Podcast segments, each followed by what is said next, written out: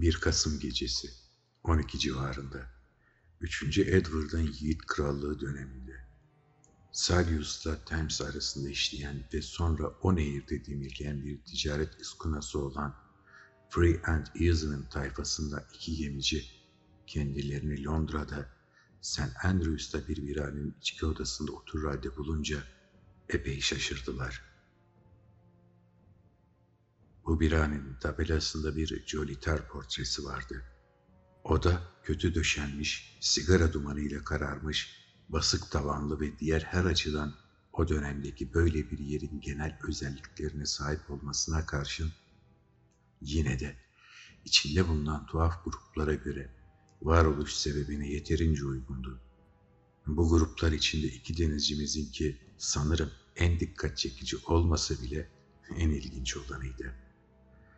Daha yaşlı olan ve arkadaşın o tipik Lex takma adıyla hitap ettiği kişi diğerinden çok daha uzundu. Boyu belki 1.95 vardı ve böylesi bir uzunluğun gerekli sonucu sürekli kambur durmakmış gibi görünüyordu. Ancak boy fazlalığı diğer pek çok açıdaki eksiklikleriyle dengeleniyordu. Son derece zayıftı ve arkadaşlarının da doğrulayacağı gibi sarhoşken gemi direğinde flama, ayıkken de flok yelkeni direği vazifesini görebilirdi. Ancak bu ve buna benzer şakaların denizcinin gülme kasları üzerinde bir etki yapmadığı söylenebilirdi. Çıkık elmacık kemikli, iri kanca burunlu, geriye çekik çeneli, sarkık gerdanlı ve iri pörtlek gözlü suratının ifadesi her ne kadar her şeye karşı genel bir kayıtsızlık içerse de ne taklit ne de tasvir edilebilecek ölçüde ağır başlı ve ciddiydi. Daha genç olan diğer denizci ise dış görünüşü itibariyle arkadaşının tam tersiydi. Boyu bir yirmiden fazla olamazdı. Bodur, hantal gövdesini bir çift kısa ve çarpık bacak taşıyordu.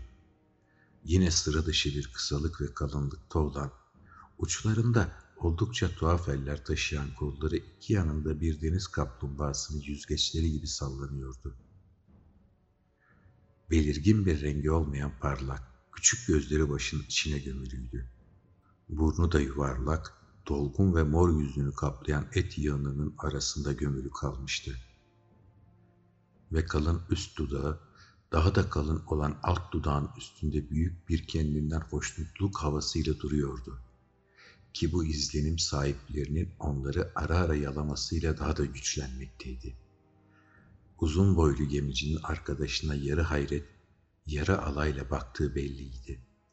Ve arada sırada başını kaldırıp yüzüne ben Nevis'in sarp kayalıklarına bakan akşamın kızıl güneş gibi bakıyordu.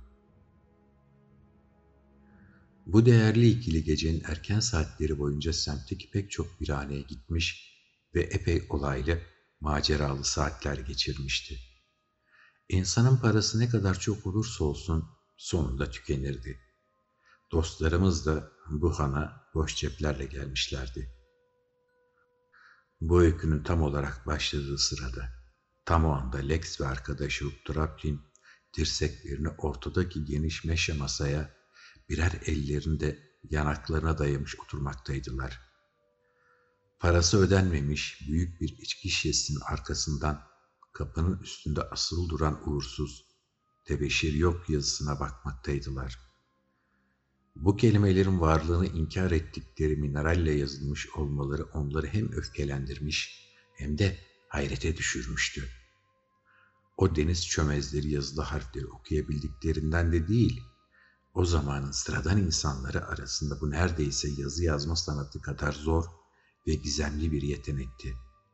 Ama doğruyu söylemek gerekirse harflerin kıvrımlarındaki bir şeyler tanımlanamaz genel bir akıcılık havası iki denizciye göre de hava koşullarının uzun süre iyi olacağını gösteriyordu. Bu yüzden birden Lex'in alegorik deyişiyle gemiyi pompalayıp yelkenleri hisa edip rüzgarın önünde ayak sürmeye karar verdiler.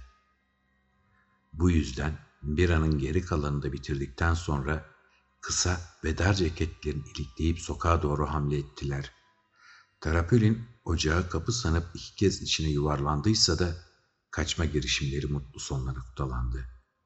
Ve saat tam yarımda kahramanlarımız haylazlığa hazır halde ve canlarını kurtarmak için Jolitar'ın sahibisinin yakın takibinde St. Andrews Stair yönünde karanlık bir ara sokakta koşmaktaydılar.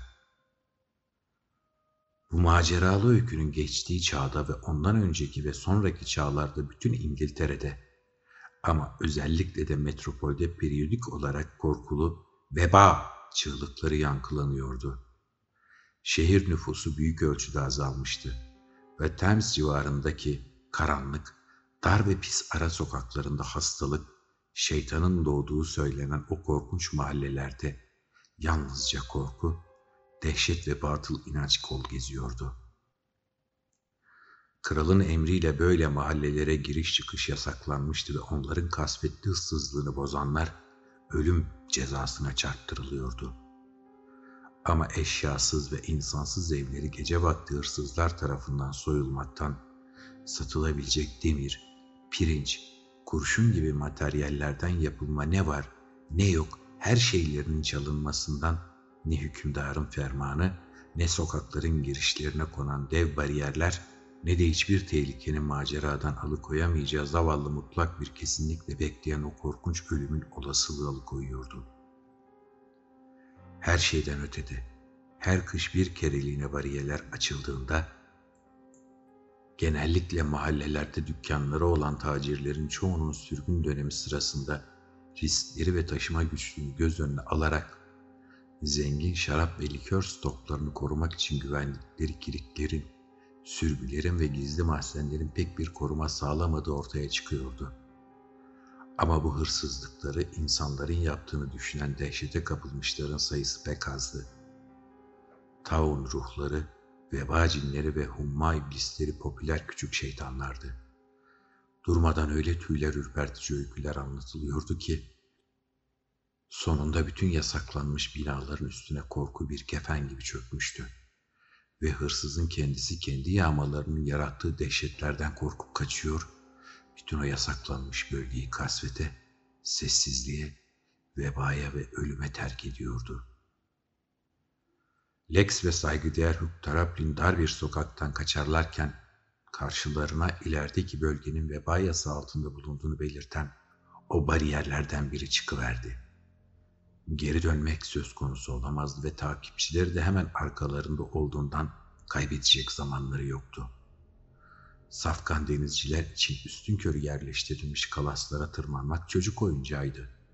Ve itmanla içkinin verdiği heyecanla hiç duraksamadan diğer tarafa atlayıp sarhoş halde bağıra çağıra yürümeye başladılar ve bölgenin gürültülü ve karmaşık iç tarafları karşısında kısa sürede şaşkına döndüler.''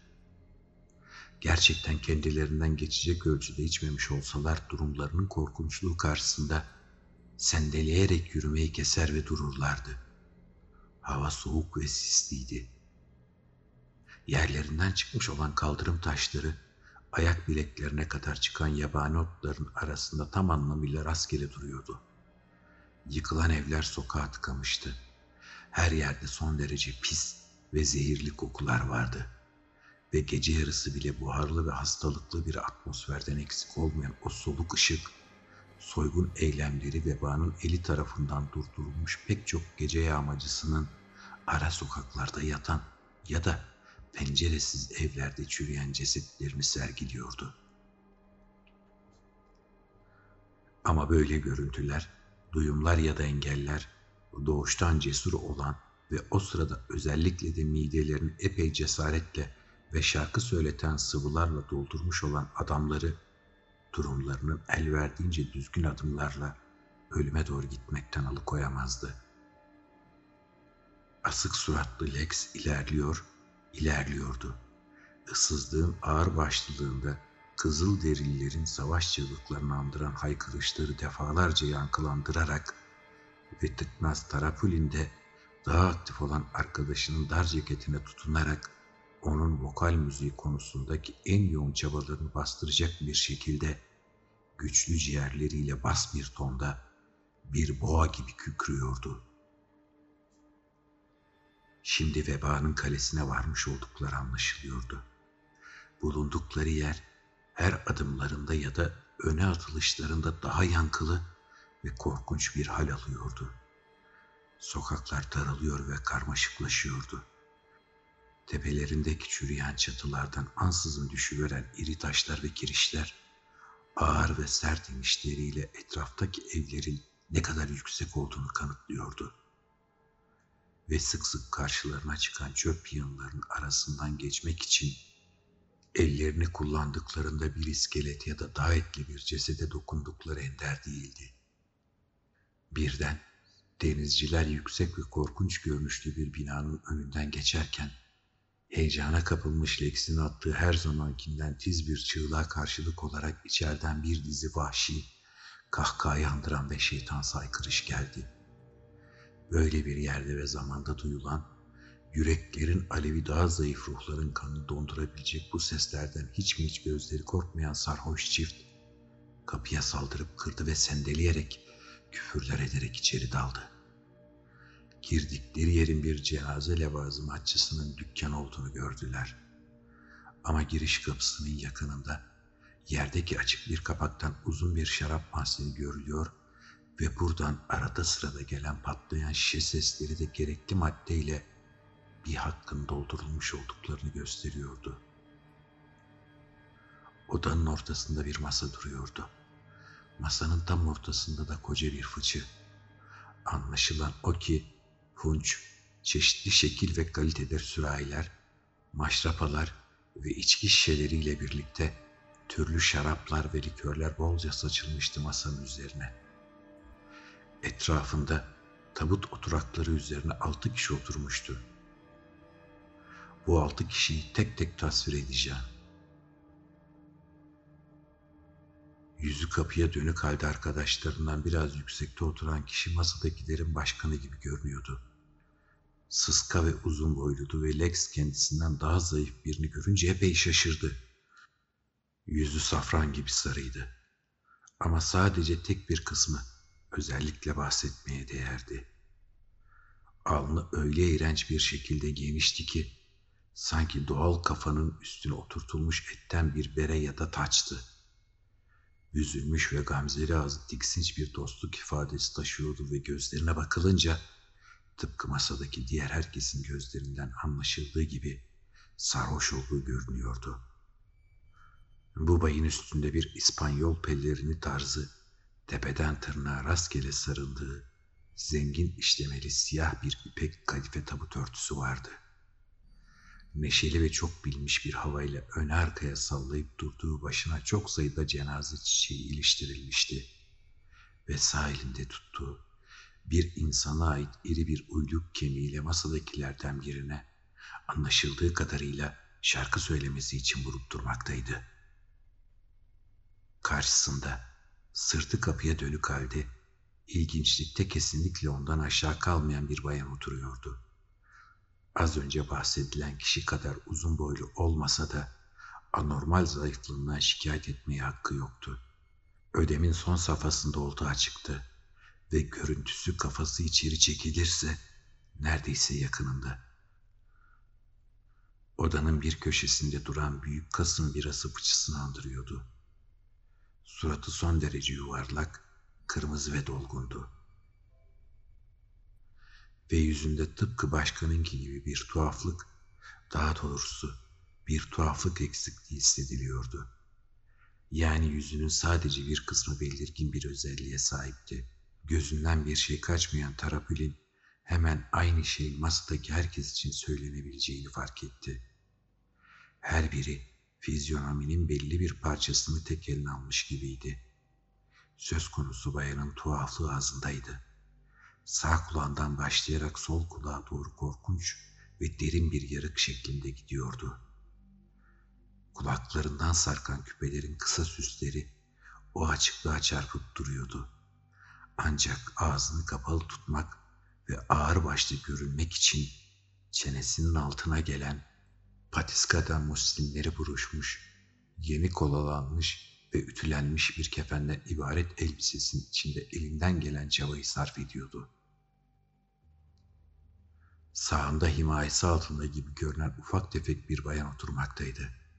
Bu zarif minik yaratığın erimiş parmaklarının titreyişinden, dudaklarının morluğundan ve kurşunlu renkli tenindeki hafif kızarık noktadan verimin ilerlemiş bir safhasında bulunduğu anlaşılıyordu. Ancak genel görünüşe mutlak bir haut ton havası hakimdi. Üstündeki büyük ve güzel kefen en iyi Hint patikasından yapılmıştı. Saçlarının bukleleri boynuna düşüyordu. Dudaklarında hafif bir gülümseme oynaşıyordu. Ama son derece uzun, ince, kıvrımlı, esnek ve sivilceli olan burnu alt dudağının çok aşağısına dek sarkıyor ve her ne kadar bayan onu arada sırada diliyle zarifçe sağa sola itse de görünüşüne biraz çift anlamlı bir ifade veriyordu. Karşısında ve ödemli bayanın solunda yanakları orpoto şarabıyla dolu iki torbaymışçasına sarkmış, omuzların üstünde duran şişman, hırıltılı sesli, gutlu bir ihtiyar adam oturmaktaydı. Kollarını kavuşturmuş ve sargılı bir bacağını masanın üstüne atmıştı dikkate değer biri olduğunu düşünüyor gibi bir havası vardı. Kişisel görüntüsün her zerresinden gurur duyduğu belliydi. Ama özellikle de çiğ renkli paltosuna dikkat çekmekten hazırlıyordu. Bu palto ona gerçekten de epey pahalıya mal olmuş olmalıydı ve üstüne tam oturacak şekilde dikilmişti. İngiltere'de ve başka yerlerde genellikle ölen aristokratların mezarlarında göze çarpacak bir yere asılan o muhteşem marmalı kalkanların bir parçası olan işlemeli ipek kumaştan yapılmıştı. Yanında ve başkanın sağında oturan uzun beyaz çoraplar ve pamuklu don giymiş bir bay oturmaktaydı. Trapulli'nin korkunç olarak nitelendirdiği gülünç bir tavırla titreyip duruyordu. Yeni tıraş edilmiş çenesi bir muslin sarkısıyla bağlıydı. Kolları da benzer şekilde bileklerinden bağlı olduğundan masadaki içkileri tüketmekte aşırıya kaçamıyordu. Lex adamın bir ay yaşı ya da şarapçıyı andıran görünüşünden bu önlemin gerekli olduğuna karar verdi. Ama hiç şüphesiz zapt edilmesi olanaksız bulunmuş olan bir çift devasa kulak dairenin tavana doğru iki kule gibi yükseliyor ve bazen bir şişe mantarının çıkarılma sesiyle beraber bir kasılmayla dikiliyordu. Önünde altıncı ve sonuncu olarak kas katı duran biri oturmaktaydı. Felçli olan bu kişinin ciddi konuşmak gerekirse kıyafeti içinde son derece rahatsız olduğu belliydi. Emsalsiz bir şekilde yeni ve göz alıcı bir mount tabutun içinde uzanmaktaydı. Üst ya da baş kısmı içindekinin kafasına baskı yapmakta ve üstünde bir kukulata gibi uzanıp yüze tarifsiz bir ilginçlik katmaktaydı.'' İki yanında zerafetten çok rahatlık kaygılarıyla kol delikleri açılmıştı. Ama kıyafet yine de sahibinin arkadaşları gibi dik oturmasına engel oluyordu. 45 derecelik bir açıyla yatarken bir çift iri, patlak göz korkunç aklarını sergileyecek biçimde tavana dönmüş, kendi devasalıklarını afallamış halde bakıyordu. Her birinin önünde kale olarak kullandıkları birer kafatası vardı. Tepede bacaklarının birinden bir iple tavandaki bir halkaya bağlanmış bir iskelet sarkmaktaydı. Diğer bacak gevşek ve takırdayan gövdeyle dik bir açı yaparak sarkıyor, onun içeri giren en küçük bir esintiyle sallanmasına ve dönmesine yol açıyordu. Bu tiksindirici şeyin kafatasının içinde bir miktar yanan kömür vardı ve tüm sahneyi titrek, ama güçlü bir ışıkla aydınlatıyordu. Tabutlar ve bir cenaze levazımatçısının dükkanına ait diğer eşyalar da odanın içinde ve pencerelerin önünde üst üste yığılmış dışarı ışık gitmesini engelliyordu. Bu sıra dışı topluluğu ve daha sıra dışı eşyaları gören iki denizcimiz hiç de beklenilebileceği kadar terbiyeli davranmadı. Lex Yanında durduğu bir duvara yaslandıktan sonra alt çenesini her zamankinden de aşağı sarkıttı ve gözlerini dört açtı. Hooksa eğilip burnunu masayla aynı seviyeye getirdikten ve ellerini dizlerine dayadıktan sonra uzun, yüksek sesli, yaygaracı, zamanlaması son derece kötü ve ölçüsüz bir kahkaha attı. Ancak uzun boylu başkan böylesine kaba bir davranıştan alınmadan davetsiz misafirlere büyük bir kibarlıkla gülümsedi ve ayağa kalkıp her birinin koluna girerek onları topluluktan başka birilerinin bu arada getirmiş olduğu sandalyelere oturttu. Lex buna kesinlikle karşı koymadı. Gösterildiği yere oturdu.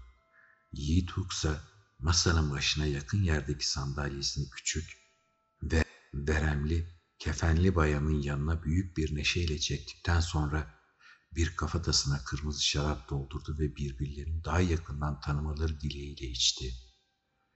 Ama bu cüretkarlık tabutun içindeki kaskatı beyefendiyi epey sinirlendirmiş gibiydi. Ve başkan masanın üstüne kısa, kalın sopasıyla vurup herkesin dikkatini aşağıdaki konuşmaya çekmese ciddi sonuçlar olabilirdi. Bu mutluluk verici durumda görevimiz, ''Dur bakalım'' diye söze karıştı Lex, son derece ciddi bir ifadeyle. ''Orada dur biraz. Hepiniz bize kim olduğunuzu, burada ne yaptığınızı, niye böyle zebaniler gibi giyindiğinizi ve gemiden arkadaşım olan dürüst cenaze levazımatçısı Will Wimbledon kış için stokladığı içkileri neden mideye indirdiğinizi anlatın bakalım. Bu bağışlanamaz görgüsüzlük üzerine masadaki herkes yarı ayağa fırladı ve daha önce denizcilerin dikkatini çekmiş olan o vahşice, şeytani çığlıklar atmaya başladı. Ancak ilk kendini toparlayan başkan oldu ve sonunda büyük bir vakarla Lex'e dönerek konuşmayı sürdürdü. Böylesine ünlü kişiler olan konuklarımızın sorularını davetsiz gelmiş de olsalar seve seve yanıtlarız. Şunu bilin ki bu bölgenin hükümdarı benim ve imparatorluğu birinci veba kralı ünvanıyla yönetiyorum. Cenaze levazımatçısı Will Wimble'a ait olduğunu sanmakla kutsallığını saygısızlık ettiğiniz bu yer, o adamın ismini hiç duymadık ve avam tabakasından olduğunu belli eden ismi de soylu kulaklarımızı bu geceye dek hiç rahatsız etmemişti. Bu yer, dediğim gibi, sarayımızın taht odasıdır ve krallığımıza ilişkin toplantılar ve diğer kutsal yüce amaçlar için kullanılmaktadır. Karşıda oturan soylu bayan yüce zevcemiz veba kraliçesidir. Gördüğünüz diğer saygıdeğer kişilerin tamamı da ailemizdendir ve soylu kanın nişanlarını sırayla şu ünvanlarla taşımaktadırlar. Arşidük vebalı, dük vebacı, dük veba fırtınası ve yüce arşides tekrar veba. Burada toplanıp diye devam etti. Ne yaptığımız konusundaki sorunuza gelince bunun yalnızca ve yalnızca bizi ilgilendiren kişisel ve krallığa ilişkin bir mesele olduğunu ve bizim dışımızda kimse için kesinlikle önem taşımadığını söyleyebiliriz. Ama konuklar ve yabancılar olarak sahip olduğunuzu düşünebileceğiniz hakları göz önüne alarak bu gece bu güzel metropolün şaraplarından, içkilerinden ve likörlerinden oluşan o paha biçilmez damak hazinelerini, akıl almaz niteliklerini ve kokularını derinlemesine ve dikkatle incelemeye hazırlandığımızı söyleyebilirim. Böylece kendi hedeflerimizden çok hepimizi yöneten, ülkesi uçsuz bucaksız olan ve ölüm ismini taşıyan o doğaüstü hükümdarınkilerin gerçekleşmesini kolaylaştırmayı umuyoruz. Onun adı Davy Jones'tur diye haykırdı Tarapül'ün. Yanındaki bayana bir kafatası dolusu likör uzattıktan sonra kendisine de koyarken. Adi kafir dedi başkan. Şimdi tüm dikkatini saygıdeğer Hug'a çevirerek pis, alçak kafir. Kaba ve mantıksız sorularına senin gibi aşağılık birinin bile sahip olduğu haklara saygı duyarak yanıt vermeye tenezzül ettiğimizi söylemiştik. Yine de meclisimize böylesine saygısızca dalmanın bedeli olarak sana ve arkadaşına birer galon blackstrap içirmeyi bir yudumda krallığımızın refah şerefine dizlerinizin üstünde uygun buluyoruz. Ondan sonra isterseniz yolunuza gitmekte, isterseniz kalıp masamızın ayrıcalıklarını paylaşmayı kabul etmekte serbest olacaksınız. Bu kesinlikle imkansız diye yanıtladı. Birinci veba kralının sözleri ve vakarı karşısında içinde biraz saygı uyanmış olduğu belli olan ve ayağa kalkıp konuşurken masaya tutunan Lex, Majesteleri, bahsetmiş olduğunuz miktarın dörtte birini bile içmeme imkan yok. Gövdeme daha önce safran niyetine yüklenmiş olan yemekleri ve bu akşam değişik limanlarda yüklenmiş çeşitli içkileri ve likörleri bir kenara bırakalım. Jolitar'da ambarımı kuruşu kuruşuna parasını ödediğim bir şarkı söyleten sıvı kargosuyla tamamen doldurmuş durumdayım. Bu yüzden majesteleri lütfen eylemin kendisi yerine iyi niyetimi kabul edin. Çünkü istesem de daha fazla bir damla bile içemem. Hele Blackstrap adı verilen o ambar suyundan hiç içmem. Kapa çeneni diye araya girdi. Arkadaşının konuşmasının uzunluğu kadar reddedişine de şaşırmış olan Tarapülin. Kapa çeneni beceriksiz herif. Lex, palavra sıkma. Benim teknem hala hafif ama seninkinin biraz ağır göründüğünü kabul ediyorum. Ve kargonun senin payına düşen kısmına gelince bir yaygara çıkarmandansa seninkine de kendi ambarımda bir yer bulabilirim. Bu cezanın ya da hükmün diye araya girdi başkan. Değiştirilemez ya da geri alınamaz doğasına kesinlikle uymuyor. Buyurduğumuz koşullar hemen harfiyen yerine getirilmeli. Bunda başarısız olursanız ayaklarınız boyunlarınıza bağlanıp asilere uygun şekilde şu Kasım birası fıçısının içinde boğulacaksınız. Bir hüküm, bir hüküm, adil ve doğru bir hüküm. Muhteşem bir karar. Son derece değerli, dürüstçe ve kutsal diye haykırdı ve ailesi hep bir ağızdan. Kral alanını kırıştırınca sayısız kırışıklık belirdi. Kutlu, ufak tefek ihtiyar körük gibi nefes alıp vermeye başladı. Kefenli bayan burnunu bir aşağı bir yukarı salladı. Pamuklu donlu beyefendi kulaklarını dikti. Kefenli diğer bayan ölen bir balık gibi soludu ve tabutun içindeki Bay Kaskat'ı durup gözlerini yukarı kaldırdı. Öf, öf, öf, öf, öf, öf diye kırdadı Tarapül'ün genel heyecan aldırmadan. Öf, öf, öf, öf, öf, öf, öf, öf, öf. Bay Veba Kralı dedi. Bay Veba Kralı kavilyasıyla masaya vurduğunda benim gibi ambarı tam dolmamış sağlam bir gemi için 2-3 galon blackstrap azmış. Fazlasıymış fark etmez diyorum. Ama iş şeytanın sağlığına içmeye ve şu huysuz majestelerinin keyfi için ki bir günahkar olduğumdan nasıl eminsem onun da aktör Tim Hartley'den başkası olmadığına eminim. İliklerime kadar ıslanmaya girince vallahi bu epey farklı bir mesele ve kavrayışımın tamamen ötesinde. Bu konuşmayı sakinlik içinde bitirmesine izin verilmedi. Tim Harkley'nin adı duyulur duyulmaz bütün topluluk ayaklandı. İhanet diye bağırdı majesteleri birinci veba kralı. İhanet dedi kutlu ufak tefek adam. İhanet diye haykırdı arşides tekrar veba. İhanet diye mırıldandı çenesi bağlı beyefendi. İhanet diye hırladı tabuttaki bay. İhanet, ihanet diye çığlık attı büyük ağızlı majesteleri. Ve tam o sırada kendisine bir kafatası dolusu içki koymakta olan talihsiz Tarapolini pantolonun arkasından kavradıktan sonra havaya kaldırdı ve çok sevdiği bir ayla dolu açık dev fıçın içine bir çırpıda atıverdi. Tarapolin bir kase dolusu viski konyağın içindeki bir elma gibi birkaç kez batıp çıktıktan sonra en sonunda çırpınmalarıyla zaten köpükte olan içkide yaratmış olduğu köpük girdabın içinde gözden kayboldu. Ama uzun boylu denizci arkadaşının çektiği sıkıntıları kuzu gibi seyretmedi. Yiğit Lex veba kralını yerdeki açık mahzen girişinden aşağı ittikten ve kapağı bir küfürle üstüne kapattıktan sonra uzun adımlarla odanın ortasına doğru ilerledi. Buraya varınca masanın üstünden sarkan iskeleti çekip indirdikten sonra onu öyle büyük bir enerji ve şevkle savurdu ki İçerideki son ışıklar sönerken Gutlu ufak tefek beyefendinin kafasını patlatmayı başardı.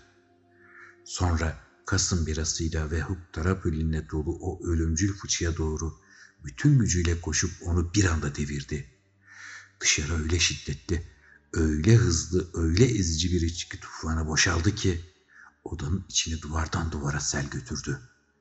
Üstü dolu masa devrildi, oturuklar geriye, funç teknesi ocağın içine düştü. Bayanlar isteriye kapıldı. Ortalıkta levazımcı gereçleri bata çıkmaya salınmaya başladı. Testiler, sürahiler ve damacanalar meydan kavgasına gelişi güzel katıldı ve hazır şarap testileri içki şişeleriyle umutsuz kavgaya girişti. Korkunç kulaklı adam hemen oracıkta boğuldu. Küçük, kas katı beyefendi tabutun içinde ortalıkta yüzmeye başladı. Ve Muzaffer Lex, kefenli şişko bayanı belinden kaptığı gibi onunla birlikte sokağa fırlayıp Free and Easy'ye doğru koşarken peşinden de Yaman Hattrapolin üç dört kez hapşırdıktan sonra güç bela arşidüşes tekrar veba'yı sürükleyerek ağır ağır yelken açmış geliyordu.